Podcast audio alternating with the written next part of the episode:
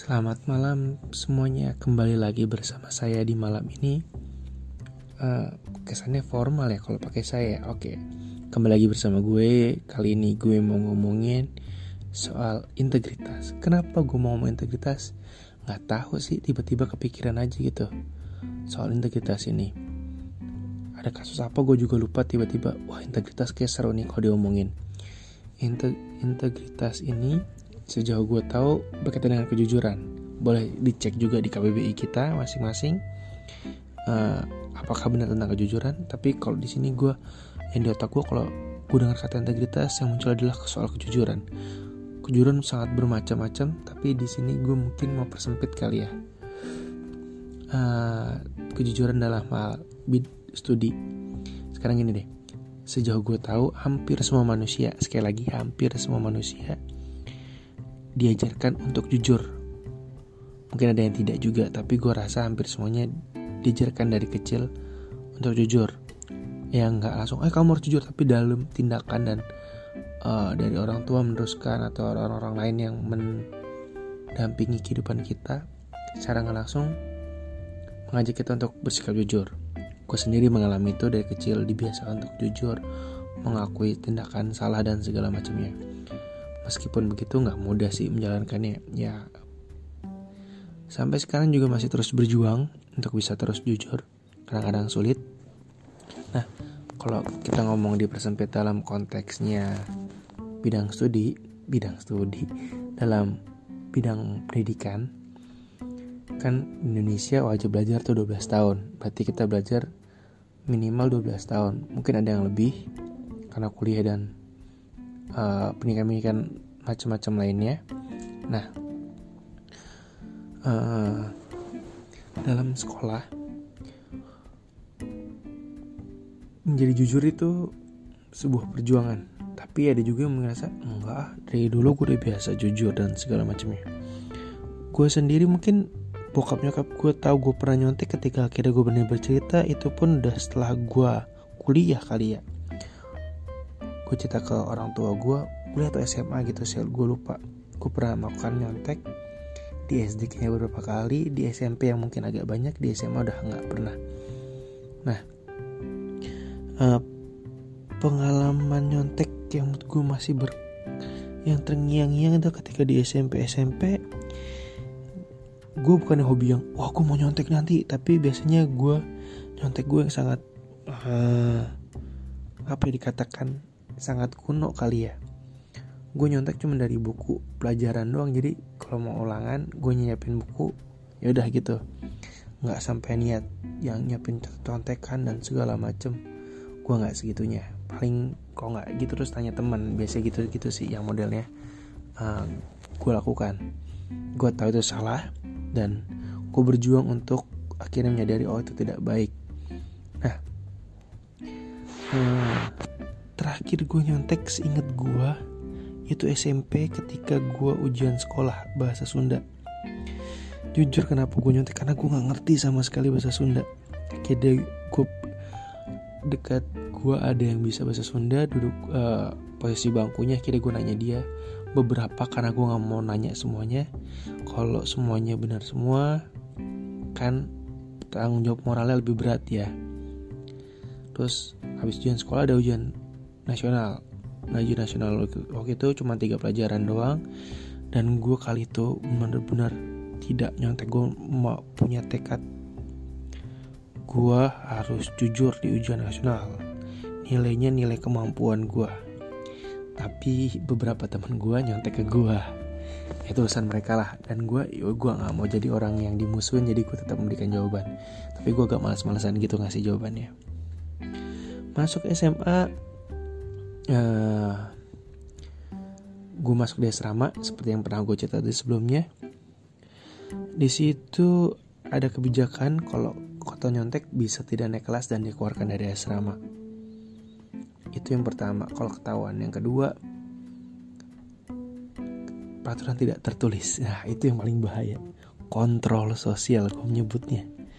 Kontrol sosial dari komunitas asrama ini lebih berat menurut gue sekali lo ketahuan wah abis abis beneran. Dari diomongin tuh di ruang makan lu bayangin berapa puluh orang ngomongin lu karena ketahuan sekali aja nyontek abis dan tuh ada indikasi kemungkinan besar lu nggak bakal lanjut di situ bakal dikeluarin pasti. Terus tahun pertama tuh kayak wah gimana nih? Gue gue nggak ngerti pelajaran-pelajaran yang baru. Beda banget gitu. Gue sekolah sebelumnya dari Bekasi masuk asrama ini di Jakarta dan satu sekolah yang cukup populer. Nah, jadi dan mata pelajaran cukup beda banget mood gue gue nggak ngerti apa-apa. Perjuangan gimana caranya sampai akhirnya satu titik? Ya udahlah yang penting gue mengerjakan aja. Sampai akhirnya gue bersama teman-teman gue satu angkatan punya udah kita nggak bakal nyontek. Jadi saling menguatkan kita mencoba bahagia dengan apa pun hasilnya sampai satu gerakan. Mendingan gue 5 tapi jujur daripada nilai 8 atau 9 tapi gue nyontek. Itu kita sering menjadi bercanda dan akhirnya membuat menikmati proses itu. Nah mulai dari SMA itu gue berjuang mati-matian. Berjuang mati-matian untuk bisa tidak mencontek. Dan akhirnya karena dibiasakan dibiasakan selama 4 tahun gue di asrama di SMA itu akhirnya masuk kuliah. Gue kan lulus SMA nggak langsung kuliah. Ada jeda sekitar 2 tahun. Itu gue eh, satu setengah tahun di institusi pendidikan terus keluar akhirnya baru kuliah. Setelah dua tahun uh, dua tahun setelah lulus SMA di perkuliahan pun akhirnya gue nggak nggak sama sekali nggak pernah nyontek. Beneran uh, bukan yang mau sombong tapi gue rasa karena bekal itu sudah terpatri dalam diri gue dan gue rasa nggak ada gunanya juga nyontek gitu. Kalau lu cuman nyari angka buat apa? Ya jujur sih memang nyari angka. Kalau gue waktu kuliah gue nyari banget angka untuk bisa dapat uh, potongan biaya kuliah gitu aja sih dan tuntutan beasiswa. Tapi itu nggak membuat gue harus nyontek dan segala macam ya gue usaha semampu gue aja gitu. Ya puji masih lumayan beasiswa dan segala macamnya uh, menurut gue bisa untuk tidak nyontek ini karena ada awalnya memang tidak dengan mudahnya uh, bisa dijalankan. Nggak cuma gue tapi teman-teman gue juga. Ya gue nganggap awalnya karena takut sih. Awalnya takut takut ya itu takut karena tekanan sosial dan akhirnya itu berbentuknya positif gitu. Terus kalau bisa dibilang sekarang uh, ya udah kon gue berusaha untuk ya udah gue jalanin aja semuanya. Kalau kerja mungkin udah gak ada ujian-ujian seperti itu ya terakhir berarti kuliah. Ya udah jalanin aja semuanya. Ya kalau gue nggak pernah belajar kalau waktu kuliah sering cabut-cabutan terus nggak bisa itu urusan gue tanggung jawab di gue ya akhirnya uh, ya sebagian besar sih lancar cuma sekali aja pernah nggak lulus mata kuliah dan semester akhir tapi itu bukan gara-gara ya karena kesalahan teknis dari diri gue yang ngawur. Ya tapi gue sudah mencoba ya udah gue melakukan ini tinggal bertanggung jawab aja. Jadi nggak gue nggak pungkiri rapot gue tuh nggak yang cemerlang cemerlang warna-warni sampai SMA mulai membaik di SMA kelas 2 ketika penjurusan gue masuk IPS ya nilai nggak separah dulu angka 6 nggak ada kayaknya ya. Kalau salah eh, ada sih KKM KKM doang tapi sisanya oke okay lah di atas itu semua. Jadi gue merasa integritas itu uh, berkaitan dengan kejujuran tuh memang perlu diperjuangkan. Gue kalau sudah terbiasa pasti akan jalannya gampang gitu. Oh ya nih gue masih ingat pengalaman nyontek tuh yang buat gue cukup gila adalah ketika SMP jadi uh, tubuh gue ini kan cukup besar jadi ketika ulangan tuh banyak temen gue terutama yang perempuan pengen duduk sebelah gue kenapa? Biar ketutupan. Nah katanya udah bilang gue nyontek paling banter pakai buku cetak doang. Eh nggak mungkin pakai buku catatan kan tulisan gue jelek banget dulu. Jadi nggak mungkin gue baca lagi pusing bacanya. Jadi gue buka-buka buku cetak biasa gitu dulu.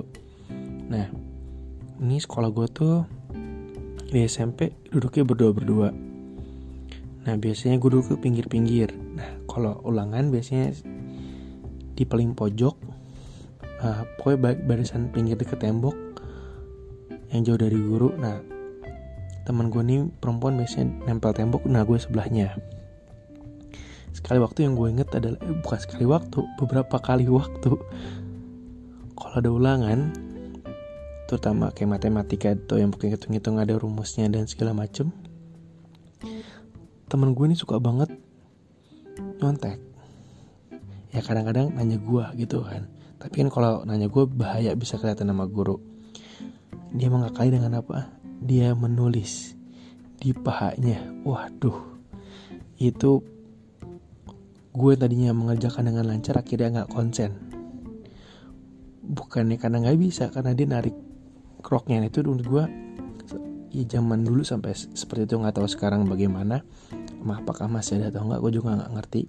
Tapi itu salah satu yang terngiang-ngiang sama gue sampai sekarang.